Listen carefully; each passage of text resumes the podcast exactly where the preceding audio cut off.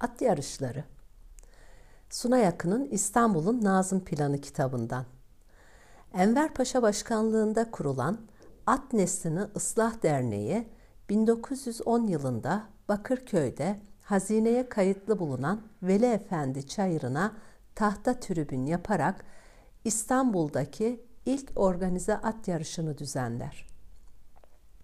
Derneğin bünyesinde bulunan Sipahi Ocağı Kulübü'nün düzenlediği at yarışları 1950 yılından sonra Türkiye Jokey Kulübü'ne devredilir.